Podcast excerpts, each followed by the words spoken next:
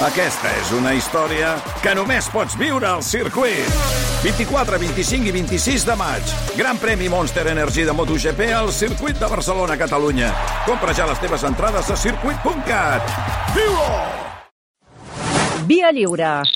Podcast. Dos minuts i un quart. Què us passa, ja? Dos minuts i un... No podrem fer res. Dos minuts i un quart d'onze del... un quart del matí. Para'ls els micros, perquè això serà insuportable, eh? Dos minuts i un quart.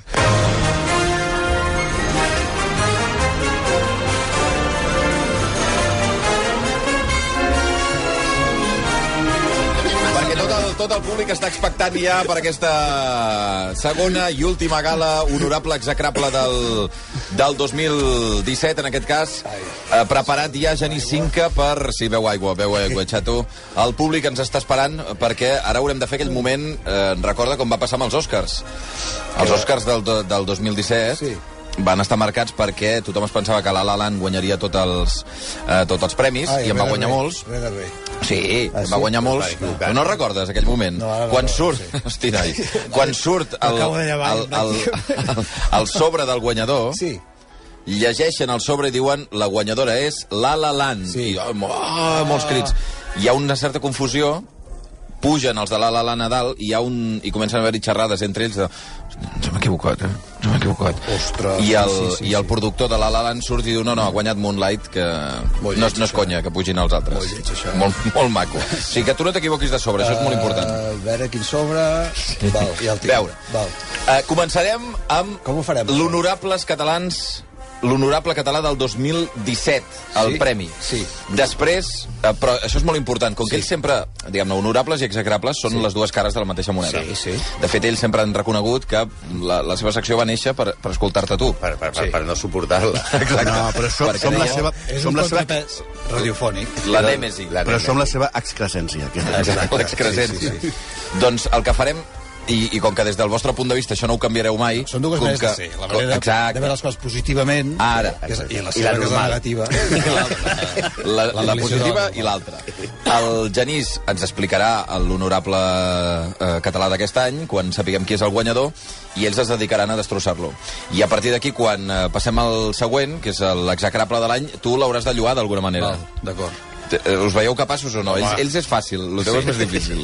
El meu és complicat Va, avui, sí. un quart d'onze del matí. Anem a buscar els tres finalistes. Som-hi.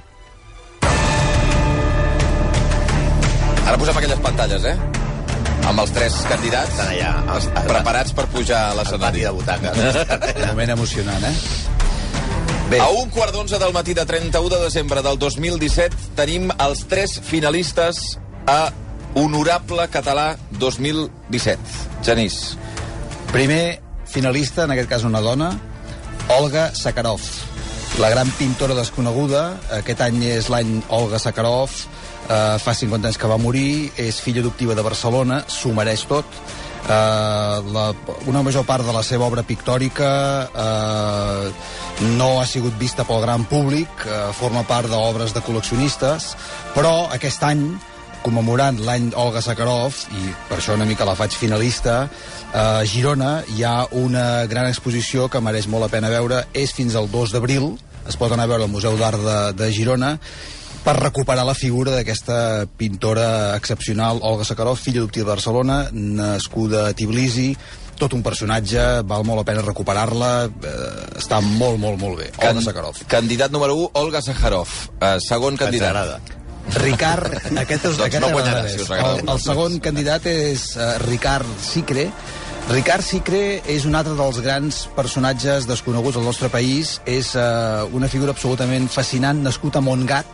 Uh, després uh, es va convertir en espia una mena de 007 català en, uh, en mans d'Esquerra Republicana primer. El 007 va- de Montgat, vols dir. el 007 de Montgat va, de, després d'escapar d'un camp de concentració, eh, escapant de les forces franquistes, arriba a Anglaterra, coneix a Robert Graves, que, eh, el qual li demana el seu desig d'anar als Estats Units, va als Estats Units, però sense papers, de manera que abans d'arribar a Ellis Island, a Nova York, es llança al mar eh, i arriba a la costa absolutament indocumentat. Allà, el, el fan eh, agent secret de l'aleshores OS, que és prèvia a la CIA, i és eh, el capdavanter d'una de les eh, operacions més... el back- l'operació Backbone per tornar a envair Espanya eh, per fer fora el general Franco. L'operació fracassa i el personatge de Ricard Sicre pateix una de les transformacions més impressionants de tots els temps quan passa a, a aprofitar-se del règim franquista com a un dels grans homes de negoci, per exemple, importador de la Pepsi-Cola. Comença... O D'espia importador de la Pepsi-Cola. completament de bàndol, d'espia de la Pepsi-Cola, és un dels importadors del JB, per Ah, cert, carai. i d'un producte que va causar Sí, rebo, sensació va a l'època, que és el Gresite. És, és l'importador Això del, del famós Gresite, eh, personatge fascinant que a la casa, se- a casa seva de Mallorca hi, hi havia convidats el Paul Newman, la Wagner, era habitual eh, les festes a, a, tot, a tot drap del Ricard Sicre, que va morir a Palma de Mallorca en aquesta casa com eh, un milionari després d'haver estat eh, espia republicà I d'haver-se llançat Units, a l'aigua allò quan arribava a les costes americanes. un personatge fascinant el tercer Finalista número 1, Olga Sakarov. Finalista, la finalista número 2, Ricard Sicre. Finalista número 3, amb honorable català de l'any. mossèn Ballarín Hosti, àlies mossèn Tronxo, el primer capellà mediàtic Premi Ramon Llull, precisament eh, per, eh, per una novel·la eh, consecutiva a mossèn Tronxo, després de treure mossèn Tronxo, Tornem-hi, i eh, finalment eh, va guanyar el Ramon Llull eh, una novel·la sobre la Verge Maria, interessantíssim personatge que bàsicament explica de quina manera eh, mossèn Ballarín es va enfrontar al poder eclesial des d'un punt de vista absolutament com a capellà lliure pensador eh, vivia reclòs a Gòsol on causava autèntica sensació i, en fi, eh, I- el mossèn del poble, rector de Catalunya. I l'honorable català 2017 escollit, a dit, perquè no hi ha acadèmia, o com és obvi, dels honorables catalans, sinó l'únic president és el, el Genís Cinca. Honorable català 2017 és... Obre el sobre, Genís. Mossèn Ballarín.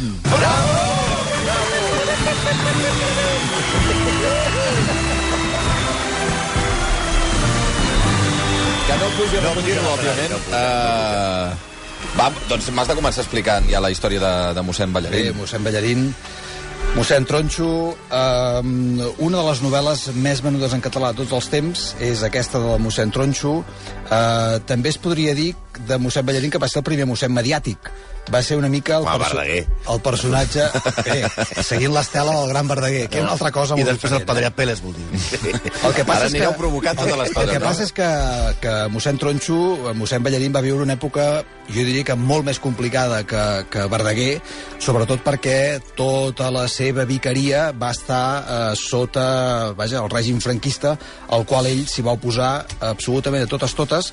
Després d'estar molts anys de rector a Caral, el van fer fora, el van fer fora de, de, de mala manera i va acabar reclòs eh, a Gòsol, a on, eh, amb un episodi del tot llestimós, però a Gòsol va ser on el capellà, el que aleshores és el capellà de Gòsol, el Ramon Anglarill, li va deixar dir missa a mossèn Ballarín, i aquí va començar tota una història, tot un currículum excepcional d'un personatge que les deia de l'alçada d'un campanar, ah, i que, en fi, es va convertir en, en, en una figura molt estimada per la gent, perquè per les coses precisament que deia i per la seva manera d'enfrontar-se eh, al règim eclesial al qual ell simplement no podia suportar. A veure si I aquí no s'hi troba molt sol, vostè? No. En un poble és impossible trobar-te sol. Però hi viu molt poca gent. Sí, però no, no.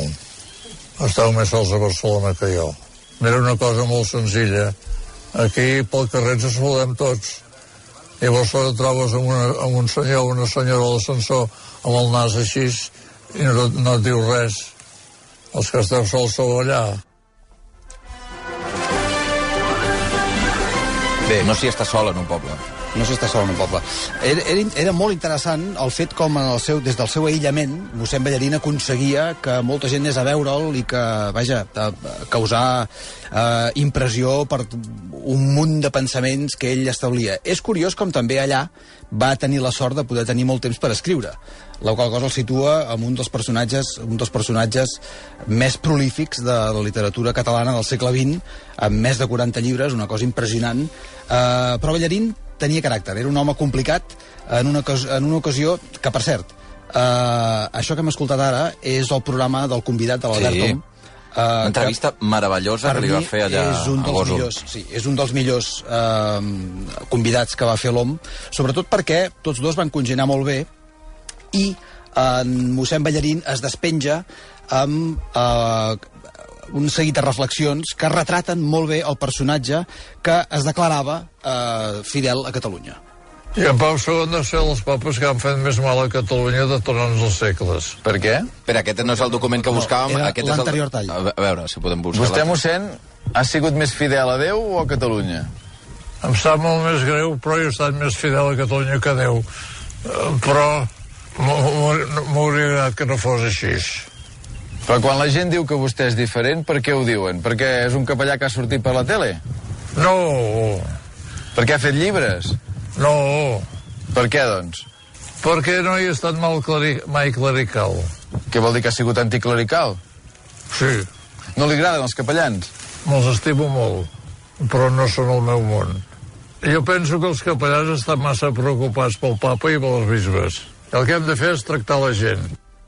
És brutal, eh? És brutal. Me'ls estimo molt, però no són del meu món, els capellans. És, eh, de fet, eh, ell sempre, ell sempre deia que eh, el món eclesial no anava amb ell, que s'havia fet capellà simplement perquè ho sentia per dintre, i això va provocar una sacsejada molt important, perquè eh, es va ficar a la butxaca a moltes persones que potser eren creients, però que no tenien l'Església com un model a seguir. I mm. mossèn Ballarín va fer que molta gent bé, una mica tornés a, a aquest camí, una mica molt català, penso, no? De, molt xirocaire, molt d'anar a la muntanya, de, de, de... però a la vegada de pensament molt contundent. Potser és l'exemple clar d'allò del, del mossèn del poble, però sublimat, diguem-ne, no? O sigui, Sí. és un personatge que la gent del poble li tenia molta confiança, però alhora era un bon pensador. Mm, exacte.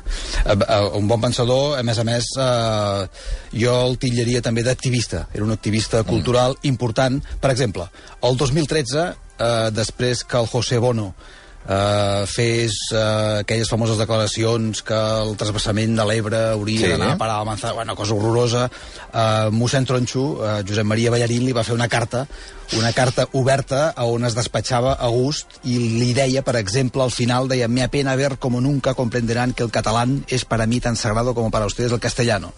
Y si para ser español tengo que aceptar el mínimo desprecio de mi idioma, me és impossible serlo.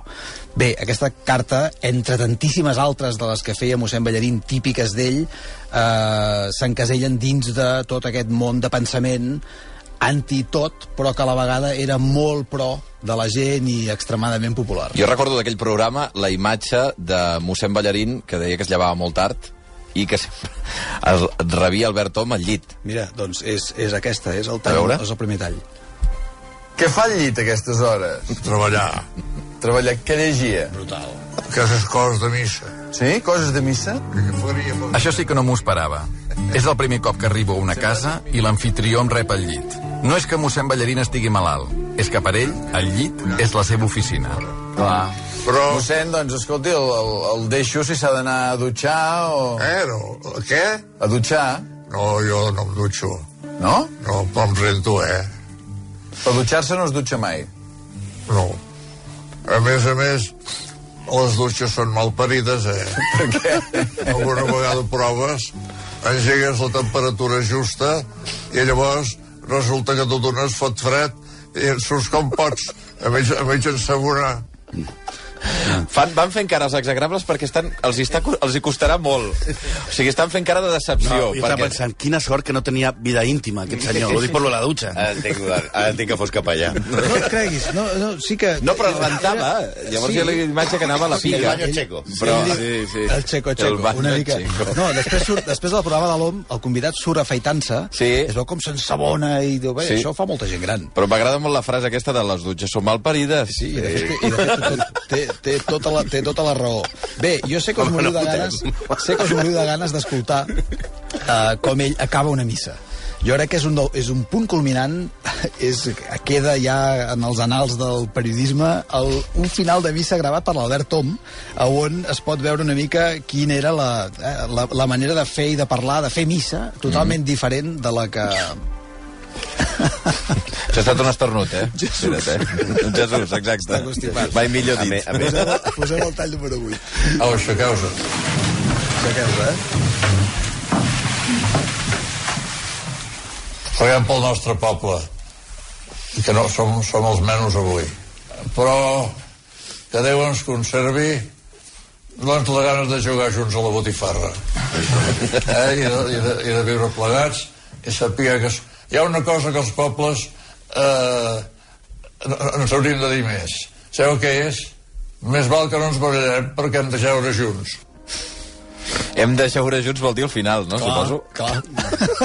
bueno, Perquè mica... si al final t'han de posar al costat eh, el, el, amb qui t'has barallat, el, el nitxo del costat, tota l'eternitat allà... Tota l'eternet allà Te'n mors, esbara- eh? esbarallat. Eh? Estan morts, eh? Sí, però, però, escolta, si al final t'has de jeure, que, que veniu aquí provocant. eh? Recoma, recomano molt uh, en fi, a mi la millor la novel·la que més m'agrada és, és uh, Tronxo mi torno mm. la que va fer després de mossèn Tronxo on explica tota la seva aventura vital com a capellà però després és molt bo perquè et torna a explicar una mica allò que li critiquen quan surt mossèn Tronxo ho trobo genial això Ma, um, jo recordo molt d'una entrevista que li va fer el Basté fa uns quants anys, perquè va haver-hi un llibre que li va editar la Mònica Folquet, Sí. eh, sobre, sobre ell, eh, converses amb, amb ell, i, mm, i va venir aquí a la, a la ràdio, eh, i i hi havia el Xavi Puig, que és fill de Gòsol, a fora, el Xavi Puig, el company d'esports. Mm -hmm. I, I el Basté, quan sortien, diu, aquest és de Gòsol.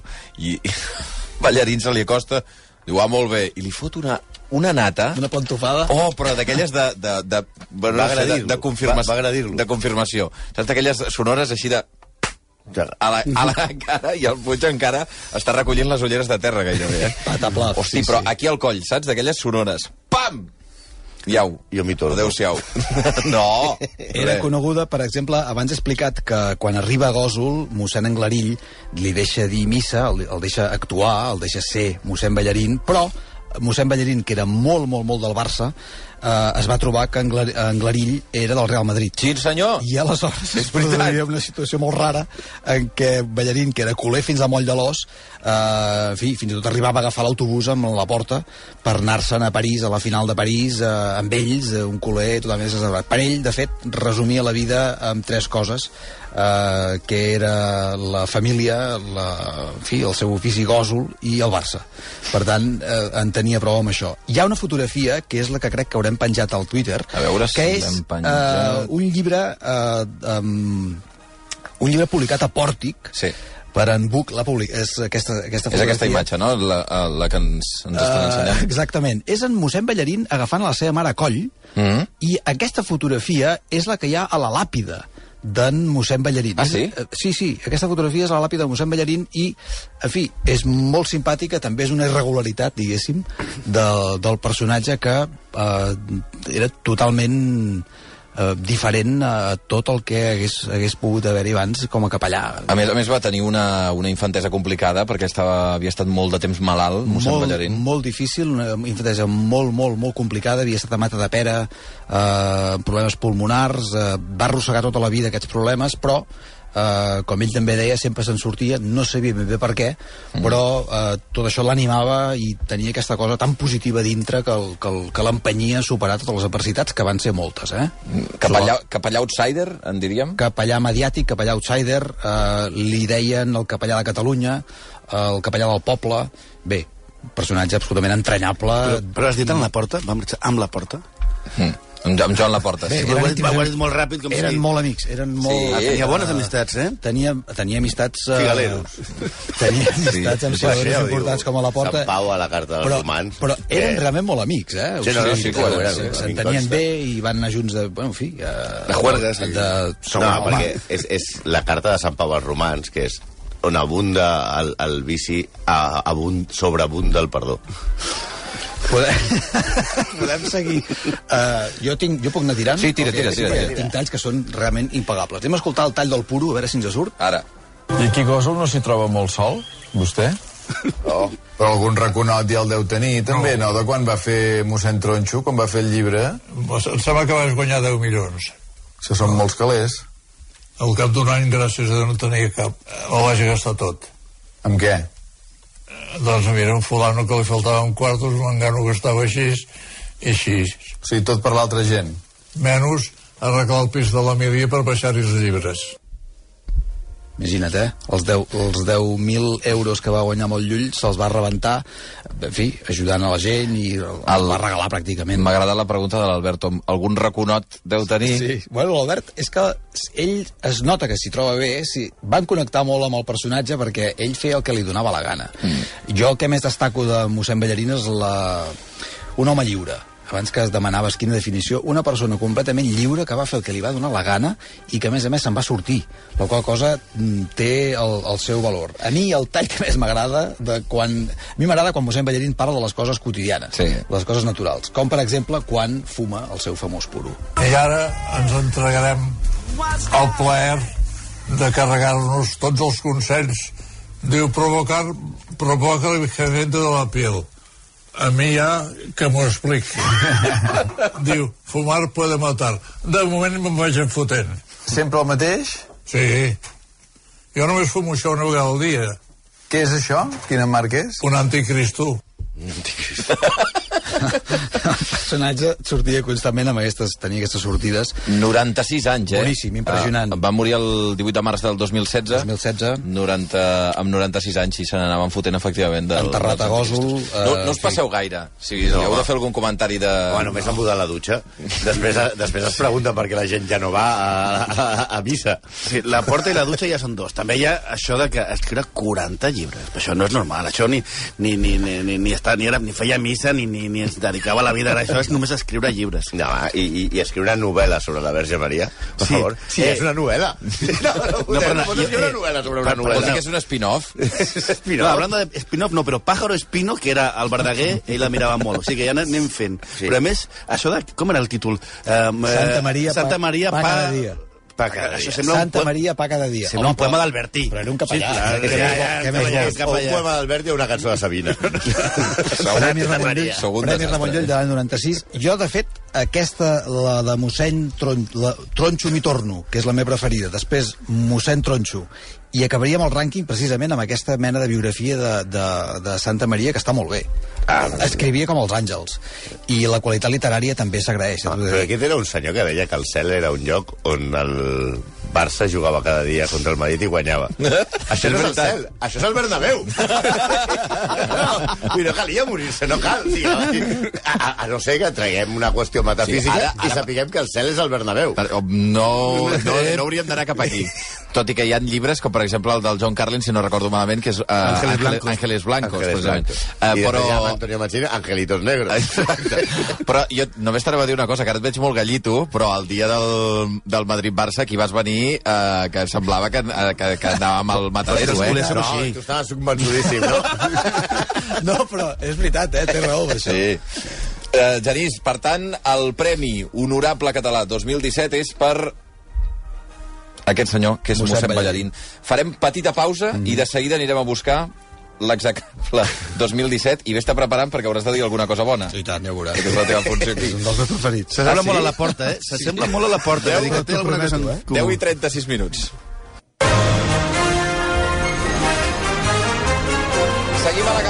Honorable execrable 2017, al costat del Genís Cinca, al costat del Santi Jiménez i del Malcom Otero. Hem entregat ja el Premi Honorable a mossèn Ballarín, eh, no sense haver d'escoltar les excrescències aquí dels, eh, del Santi i del Malcom, criticant Les la, excrescències de la- de la no dutxa. Va. De la dutxa, mà. Però anem als, anem als execrables. Sí. Anem Avui als acaba el candidats. 2017, un any de merda, com tots els anys que tenen Nadal. és que Bueno, ets, és ets un tan de grinch, merda. de debò. Ets... Oh, Tampoc és tant de merda, perquè Messi segueix al Barça, per Això tant, sí. és un, un any acceptable. tolerable. I com tu ets un inconscient i ens fas que fem aquesta gala ja eh, gairebé centenària, ja. De fet, falten 98 gales perquè sigui centenària, però que són els números a la immensitat de, de, de l'univers, no? Per tant, anomenarem, eh, posarem de la nostra part buscar l'execrable del 2017. Són gent que la Déu, més aviat la biologia que Déu, ens ha, ens ha, ens ha tret eh, ens- de vista aquest any 2017 l'any del piolín pels xinesos, eh? Pels xinesos que venen banderes al Raval, clar està. Aquests sí que han tingut un gran any. Vinga, sense més dilació, anem a enumerar els nominats.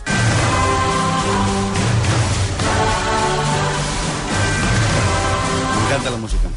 Bueno, i com que... La composada jo. Ja, ja ho sé, ja. Per l'ocasió. Com que som un programa, sempre ho hem estat, de referència cultural, Sí, sí. pues anàvem a posar-nos una mica estupendos i a nominar un dels grans noms de la cultura, pas de l'ESO. Aquelles planes caldiària, aquesta cosa que tampoc sabeu què és, que està molt a prop de les planes d'esports que ens ha deixat aquest any. Un home del que tota l'audiència espera un execrable. Su Yongguang. Sí, home, eh? sabeu qui és, no? El Sun gran lingüista xinès, reconegut com el pare del Han Yu Pinyin, la romanització oficial del mandarí al país asiàtic. Va morir el 14 de gener del 2017, als 111 anys, just el dia després del seu aniversari, pobre tio. Hosti. Yo Wang va estar casat durant quasi 70 anys amb Zhang Yue, com tothom sap a la nostra audiència. Eh? Tot i que només per aquestes circumstàncies ja mereixia ser l'execrable del 2017, van pensar que era un personatge massa conegut pel gran públic. I van pensar d'altres, com per exemple George A. Romero. Però com que no sabem si és viu o mort, el van Ala! descartar. Home, és el, tio, és el tio que es va inventar els zombis. Sí, ja ho per sé, tant, no home. fer-li, no sabem si està viu o està mort. També vam descartar Roger Moore, perquè considerem que feia temps que s'havia mort. I Ah, ah, fet una per mòmia. favor. També Per anàvem a considerar a Jean Mogó, però de, de, de execrable no tenia res, Jean Mogó. Igual que el grandiós Martin Landau. Tots ells morts aquest 2017. Pels motius absolutament contraris, vam desestimar les precandidatures de Chris Cornell o Jenny Halliday. Ja el genetista i el Premi Nobel eh, Sam Smithis, que també el van eliminar de la llista per ser massa mainstream. Així que els finalistes són... En el lloc número 3 i medalla de bronze com a execrable 2017, Jerry Lewis, un home egocèntric, feixista, homòfob, insuportable, agomaníac, passater, cregut i absolutament sobrevalorat que va morir que quan va morir semblava que s'hagués pal hagués palmat Luis Buñuel No. i que tothom hagués estat veient els seus a films veure, el dia abans. a mi m'agradava, Jerry Lewis. Però què és això? Sobrevaloradíssim. Sobrevaloradíssim. Sobrevalorat. Quina mala llet. Amb la medalla de plata, com a execrable 2017, tenim a Chuck Berry. No! Considerat per molts com el pare de la música rock, que va morir el 18 de març del 2017, un home que està considerat amb el número 5 de la llista d'immortals del rock. Però es va morir, eh? De la- D'immortals que es va morir, de la revista Rolling Stones, només superat pels Beatles, Dylan, Presley i The Rolling Stones, però que era un garrepa, violent, pervertit sexual, avariciós, agressiu i amb una desmesurada afició als diners i per apropar-se als poderosos. Per tant, el guanyador a l'execrable 2017 i medalla d'or dels morts més il·lustres que mereixen un reconeixement a una gala com aquesta Oh, que- ale, és... ale, un moment. Moment, moment, moment. Tres minuts i tres quarts d'onze del matí. A punt de saber-se deixat amb el dit en l'aire. L'aire. Hi hauria d'haver-hi càmeres. Càmeres. Acció. Tres minuts i tres quarts d'onze del matí. L'execrable. 2017. Segons els il·lustres execrables. Havia estat preparant Genís, perquè, xato, si has de, si has de lluar alguna cosa et costarà, és... Hugh Hefner!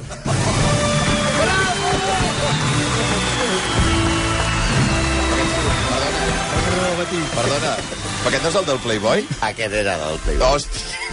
Un home que ha provocat colze de tenista a, millor, a milions de persones Que animal. que en sa vida han jugat al tennis. Ets un animal. Que han deixat enganxoses les planes de, de les revistes. No. Que, sí, saps allò? que a car- Sou uns desagradables. Encartrona, encartrona el coixer. Ah, Un editor de premsa que va crear un espai de llibertat a l'encotillada cultura nord-americana, que va lluitar pels drets civils, que va reunir grans escriptors que van publicar autors tan importants com Norman Mailer, John Updike, Jack Kerouac i obres literàries tan transcendentals com Fahrenheit 451 de Ray Bradbury. Pels de l'ESO són masses noms per aclarir aquí, però això busqueu a la Wikipedia i us apanyeu, va. Un home, perquè no teniu ni puta idea de què collons estàvem parlant. va. Vale. Un home que No va trencar les regles, les que calia trencar i les que no. Però el nostre home també va ser un dels màxims masclistes cosificadors per exemple, cosificador pels de l'ESO, quan admires a Kim Kardashian pel cul i no pel seu talent Va. intel·lectual. Vale?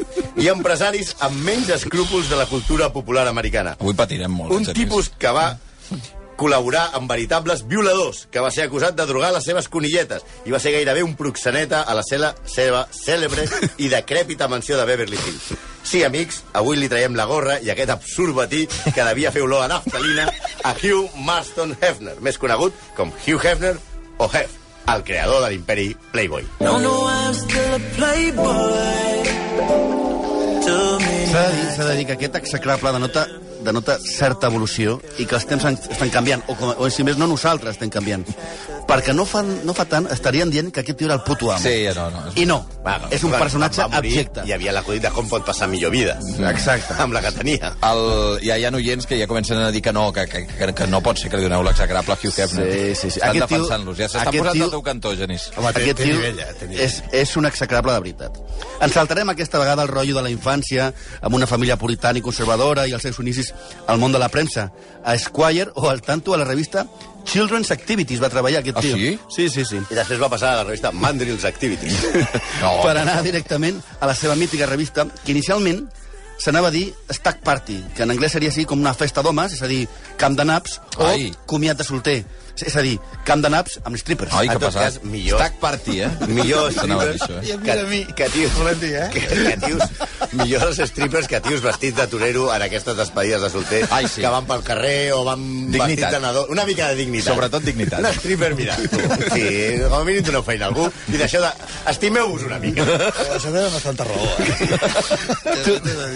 tornant, tornant a la revista, la va muntar l'any 53 en diversos inversors. La primera foto de portada, la de Marilyn Monroe, la va comprar per 500 dòlars. El fotògraf que, en un moment de penúries de l'actriu, li havia pagat 50 dòlars per un calendari d'escassa circulació. Va vendre 50.000 còpies d'aquesta revista sense el consentiment de l'actriu. Què dius? Tot, sí, tot un exemple de- d'ètica periodística que va repetir moltes vegades, per cert, Madonna i més casos. Això sí, per compensar, Hefner, ja el ric, ja milionari, va comprar el seu espai mortuori just al costat de la tomba de Marilyn per 75.000 dòlars. Marilyn no te'l treus de sobre ni morta. O sigui, ara està, uh, Hugh Hefner està enterrat al costat de Com Marilyn deia Monroe. Mossèn Ballarín, al final en jeuen junts. no, sí. Al final jeuen junts. Ostres. La cosa, a, a la revista Playboy va ser un èxit rotund. La revista i després va muntar uns clubs, també, que anaven les senyoretes vestides de conillet amb Sí. sí. un corbatí i un Sí. sí. pom-pom al cul. I va comprar la mansió Playboy a Califòrnia. La veritat és que per estar en pilotes és molt millor estar a Califòrnia que a Chicago, que és, Això on, sí. que és on primer va comprar la mansió Playboy i després la va traslladar a, a, a Los Angeles. I el seu logo de, de conillet va començar a ser una icona pop universal. Va muntar la cadena que dèiem de clubs nocturns amb el personal femení cosificat i dis disfressat així. Ara, de fet, eh, ara tu veus a gent de l'IKEA que fins i tot va vestir de pitjor, però diguem-ne que no, no, no, és molt agradable que per treballar t'hagis de, de vestir Sí, d'aquesta manera. De conillet. Hef era un provocador que als 60 comptava amb amics a dintre de la intel·lectualitat americana, com Lenny Bruce o Miles Davis o la Fitzgerald, i que defensava els drets civils dels negres. Va enviar, per exemple, un periodista negre a entrevistar a George Lincoln Rockwell, fundador del partit nazi Sí o americà. no? O sigui, va enviar un periodista que era negre a, a entrevistar I, el senyor Playboy, dels, dels a, part, nazis. a part de les fotos, tenia unes entrevistes i uns Molt textos bones, sí, sí. magnífics. Una mica aquí, aquí com passava amb Interview, no? Que hi havia eh, alguns... El, en, el Bueno, cas, en el cas de Xavier Binader no, havia fet alguns exacte, articles bestials. Hi escrivia Paco Umbral, Sí, sí, sí, gent- després va escriure Sabina. I se'n van a l'or. I, sortia... I aquí treien a, a Marilyn Boles i aquí sortia la duquesa d'Alba. Això Bé, sí. És igual. Eh, eh, el, El Rockwell, allà, vaja. el, el fundador del Partit Nazi Americà va acceptar l'entrevista, que l'entrevista és un periodista negre, Sí. però la va tenir amb una... Eh, només va preguntar, és negre però no és jueu? O sigui, el que no volia era que fos jueu. I l'entrevista la va fer amb una pistola carregada sobre la taula. Tota l'entrevista. Quina por, eh? Quina barbaritat. Sí. Sí, sí, també els drets dels homosexuals. Squire va rebutjar un relat distòpic. Distòpic pels de l'ESO és una versió, una versió ficcional del món pitjor que l'actual. Per exemple, per fer-ho fàcil, el Barça de segona, no? O Messi al Madrid, no? Això és una distopia. Això seria una distopia. Aleshores, el, el relat era de Charles Beaumont i presentava una societat en la qual lo normal era ser homosexual i es perseguia els heterosexuals. Sigui, era, la societat era com un programa de Telecinco. Aleshores, va rebre moltes crítiques, irades crítiques, i Hef va contestar que si això estava malament, al seu contrari, perseguir els homosexuals, estava igual de malament. En aquest sentit era un pioner. Sí, en fet, ara tu diràs, eh, perquè dieu Hefner devia ser una gran persona. Mm -hmm. Això ho, di, això ho diràs en el guió, Xavi. jo ho que dic, t'he estat pel que dieu, Hefner era un sant, una gran persona. Això semblar, però no, però no, perquè malgrat les seves excel·lents col·laboracions literàries, el que va fer milionari a Hefner i a Playboy, que el Playboy venia 7 milions d'exemplars. Ojo. Més que la Razón. 7 milions. Més que la raó, una Un- mica més, eh? Imagineu-vos que cada dia que, cada dia que sortís el Playboy, cada català, catalana, tenia sí, sí. un Playboy. Déu-n'hi-do, 7 eh? milions de catalans, 7 milions de Playboys. Clar, com es fa milionari? No per les entrevistes aquestes, no pels textos literaris ni les distopies, per despullar dones i cosificar-les, per convertir-les en objecte. Playboy va contribuir definitivament a aquesta imatge de la dona i ja les seves primeres declaracions contra el feminisme el defineixen. Hefner pensava, per exemple, que cometes, el feminisme militant va en contra de la relació romàntica noi-noia que defensa Playboy. També No, o sigui, per, per, Pl- Playboy defensava la relació Romàntica. romàntica eh? Bueno, noi? entenem romàntica com Una que cosa romàntica com l'entenc, sí, sí. Sí. Vinga. Va! També Ai. es va defensar de la idea que Playboy convertia les dones en objectes sexuals amb aquesta perla. La idea que Playboy converteix les dones en objectes sexuals és ridícula. Les dones són objectes sexuals. Hòstia, si les dones no eh? fossin objectes sexuals, no hi hauria una altra generació. És per això que les dones fan servir llapis de llavi i faldilles curtes. Està clar que no havia conegut a Boy George. Però bé, seguim. La periodista Gloria Steiner es va infiltrar, va fer un reportatge infiltrant-se com a conilleta dins de, de, dels, dels clubs de Playboy. I va escriure després un llibre anomenat A Bunny's Tale, en el que resumeix que una dona que llegeixi la revista es sent com un jueu llegint un manual de nazi. Per cert, m'ha enviat un missatge Francesc Marc Álvaro i diu Memòria infantil d'interviu. Sempre hi havia una entrevista del Carrillo Sí?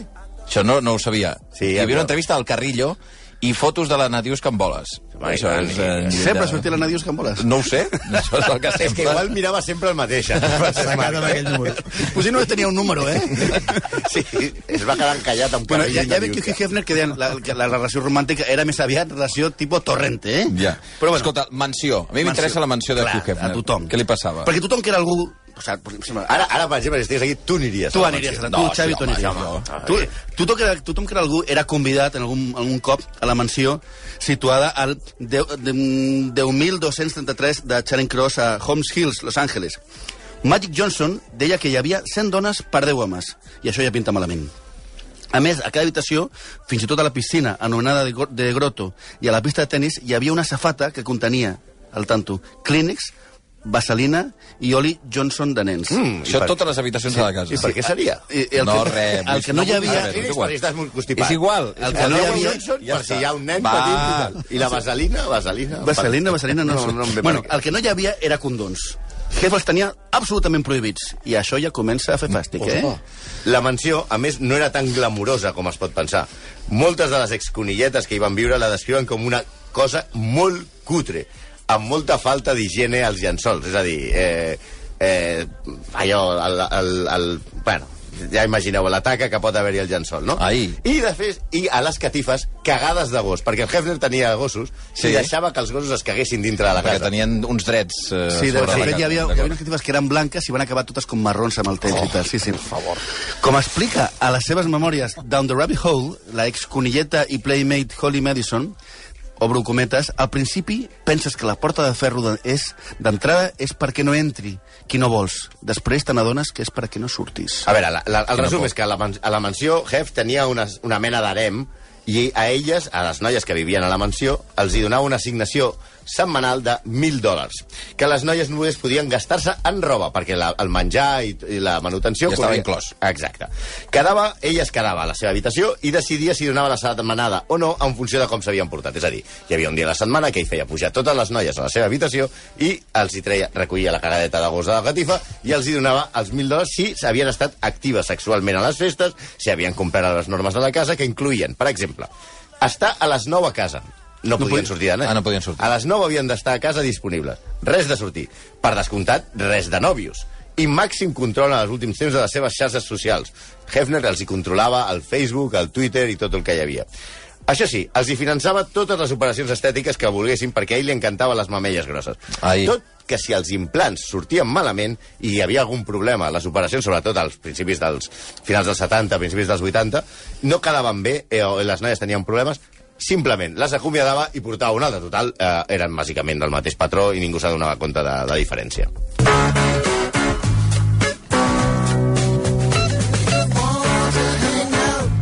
Les feia operar operar-se i si no anava bé l'operació, doncs mira, eh, n'hi ha, n'hi ha 200 a la porta. Ja ves que totes eren iguals. Aquí sentim Cocaine de Gigi Cale i és que ara arriba a lo fort. Si un llegeix el testament de Hef, eh, li deixa la fortuna als seus fills amb algunes condicions, Està bé. entre les quals està que no consumeixin drogues. No, home, mira. Ah, no? No, i això diu- puta la tacones. Va. Clar, i et, pot, et pots portar una imatge una mica distorsionada del que era aquest Perquè ell era un antidrogues, o no? Això sembla pel, que, pel testament, però una de les seves nòvies eh, conilletes, la mencionada Holly Madison, va explicar que Hugh Hefner li va donar la primera nit que van ballar un coalut o una metacolona. Se'n recordeu de la pel·li de Los Lobos de Wall Street? Que feia així? Pues un sí, d'aquests. sí. Ah, aquell que era com mític, que era com gairebé una droga... Una droga de- És el que, el que John Belushi es prenia com si fossin ositos de Haribo. Exacte. Que animal. Ell, ell, ell, ell va dir que... O sigui, ell va dir, per què, per què em dones aquesta droga? Ell va dir, perquè li diuen la droga obracuixes. Ai, Sí. Rollo, manada i burundanga. per si la cosa no tingués ja força importància, és la mateixa droga que, suposadament, perquè està el cas encara sota judici, feia servir Bill Cosby, ai, quan et moris, Bill, que et pillarem, que et pillarem per drogar i, va, i per violar a la menor Chloe Goins a la mansió Playboy. Bill Allà Cosby mateix, era una habitual de la mansió Playboy i allà eh, va passar el següent. Chloe va acusar Hefner de còmplice en- per la violació que li va perpetrar Cosby, encara que aquest va negar les acusacions. Segons ella, quan va començar a sentir-se rara després d'una beguda que li va donar Bill Cosby, Hefner va començar a dir-li que es tombés i relaxés perquè el seu amic pogués forçar-la. Una altra dona també diu que va ser violada per Cosby a la mansió. Això és la casa dels horrors, senyors. La mansió, de fet, es va, si voleu saber ara, quan va morir, que se n'ha fet d'ella, la va vendre eh, no fa gaire per 100 milions de dòlars. Sabeu qui l'ha comprada? no? Darren Matropoulos, que tampoc sabeu qui és, No. jo tampoc. Però és, hòstia, el veí del costat. Oh! Que devia estar fins als collons de les festes i va dir, la compro perquè... Perquè ja, ja n'hi ha prou. Em gasto 100 quilos i aquí no torna a entrar aquest. Que no havíem plantejat qui era el veí de la mansió. Clar, tens- És el que té la notícia. Tens més mala sort que el veí de Hugh Hefner. T- Tornant al testament, i els fills, les edat dels quals oscil·len entre els 65 i els 26. Hosti. O sigui, això és una família intergeneracional, que són fruit de tres matrimonis. A la seva primera dona la va deixar quan es va fer milionari, i les altres dues són dos ex-playmates. Entre tots es disputen l'herència de 43 milions de dòlars. La segona dona és la Playmate, eh, va ser famosíssima a la seva època, és Kimberly Conrad. Ah, quan es va casar amb ella, eh, Hugh Hefner li va regalar una edició extra del Playboy només per ella. Una edició de col·leccionista, que segurament molta gent de que ens està escoltant la deu tenir, Sí. 93 planes plena de nus de la seva nova dona. Què intentava dir Hefner? Que el món veiés com un senyor de 63 anys es calçava un monument de 26. Quin, quin angúnia. La, la, la... I és que ho diguem clar, diguem clar. Per les conilletes podia tenir un fase fins a certa edat, però com es pregunta la periodista feminista Susan Moore, obro cometes, quina noia de 23 anys no té el somni de follar-se a un octogenari? Ja. Formar part de l'harem de Hefner era com formar part de l'equip de Donald Trump. Tan- Tanco cometes. De fet, una de les proves per entrar a la mansió era passar una nit de prova Sí, clar, amb què Hefner. Te'l calça, me, me la calça i Vinga. ja veiem. Hefner va practicar el sexe o alguna cosa semblant, depèn de l'edat ja que tenia, amb les seves conilletes fins als seus últims dies, quan anava per casa amb un caminador. Eh, imagina't. Kendra Williams, una altra de les Playmates, que va reconèixer en una entrevista a televisió que havia d'estar molt borratxa per a poder estar amb ell. Explica que el iaio cridava a la seva habitació a cinc o sis noies, es fotia fins al cul de Viagra i que anessin passant. Les noies expliquen que feien torns per no estar més d'un minut amb ell, que no sabien si tirar-se'l o tirar-lo al caldo. A més, a més a més, com a tothom també li va afectar la crisi. Als anys 80, la noia que era escollida Playmate del mes rebia com a premi un Porsche. Sí? I últimament un Mini Cooper. Aquí hem anat, Ui. hem anat perdent, eh? Ui, sí, vaja. baixant, eh? I després una vespa. Ell, per donar exemple, seguia amb la seva dieta, perquè, a més a més, el tio era hipocondríac. Què menjava? I su- Ell es prenia, dinava i sopava cada dia una Pepsi, Sí. en record a l'execrable del... Sí, el Cicre. El Cicre, una Pepsi que havia d'estar a la temperatura exacta que ell demanava, una sopa Campbell de pollastre amb fideus i, de postre, M&M's. Va morir als 91 anys, eh? M'heu dit abans. Sí. Ara fa... I amb una dona en la que es portava 60, que són com, po- podria ser no el pare, no l'avi, el besavi, no? Déu-n'hi-do. Però bueno, la història de Playboy està plena de tristesa. És com la, la, la història de l'actriu Dorothy Stratton, la Playmate d'agost dels anys 79 i Playmate de l'any 80. El gran director de cine de cinema Peter Bogdanovich va creure que ella podia ser una gran actriu i li dona un paper a Tots rieron, tots van riure, amb Audrey Hepburn i Ben Gazzara. Es van enamorar i el macarra del, del nòvio es va posar gelós i la va matar. I la va violar quan, quan era morta i es va suïcidar. Sí, es podia haver canviat el, podia haver canviat l'ordre. L'ordre, no? Sempre, sempre és igual, això. El, el cas va commocionar els Estats Units. Bob Fosse va fer un biòpic, Star 80, en el que Mariel Hemingway interpretava Dorothy. També s'esmenta en la cançó que acabem de posar dels Red Hot Chili Peppers. Però tornant al nostre personatge, Peter Bogdanovich va escriure un llibre sobre ella, The Killing of the Unicorn, l'assassinat de l'unicorn, en el que explicava que Hugh Hefner la va saltar sexualment el dia que la va conèixer. Els advocats de Hefner, com la víctima i el testimoni eren morta, van fer que Bogdanovich tragués, tragués la paraula violació del, del llibre. Sí, que deixés només això d'assaltar sexualment i no violació. O sigui, un, un detallet, eh? Però moltes d'aquestes misèries les explica també qui va ser el seu secretari, Stefan Tettenbaum, qui assegura que un dia a la setmana Hefner feia la menció el que s'anomenaven nits porques. Imagina't, si, si, si, normalment... Sí, perquè siguin porques dintre d'allà... sí, el nivell havia de ser pujar una miqueta més. En aquestes nits, les convidades a la casa eren prostitutes de luxe i quilos de cocaïna amb gent escollida del món de l'espectacle, la política o els negocis. Tettenbaum assegura que totes aquelles festes eren gravades sense que els participants ho sabessin, per si de cas algun dia Hefner necessitava la seva ajuda o intentaven perjudicar-lo. D'això se'n diu extorsió, senyors. Sí, així que ja saps, quan vegis aquesta foto patètica de Hugh Hefner somrient amb bata, gorra i pipa, no pensis que era un magnat de la premsa, de la televisió i del soft porn. Pensa que era un tipus fastigós, el més execrable dels que ens han deixat aquest any. Hi ha hagut dura competència. Les 11 i 30 segons... Eh, tens molt poc temps, Genís, però... Sort que, sort que ja ets preparat les 11 del matí. Sí, noi. No ha- Però tens alguna cosa a dir de Manera bona? informatiu? Bé, de clar, jo no puc, és molt complicat això. Eh? No, sí, que hi ha, sí que hi ha tres punts que m'agradaria destacar. A la veure. primera, la, la importància de la potència editorial que va encetar la publicació, Veus? o comença l'any 53 de Playboy. Per què? Perquè Playboy avui dia encara dona, en fi, de menjar a molta gent les edicions Hi ha algunes que mengen molt. Menjar sí. no havia dit la menjar.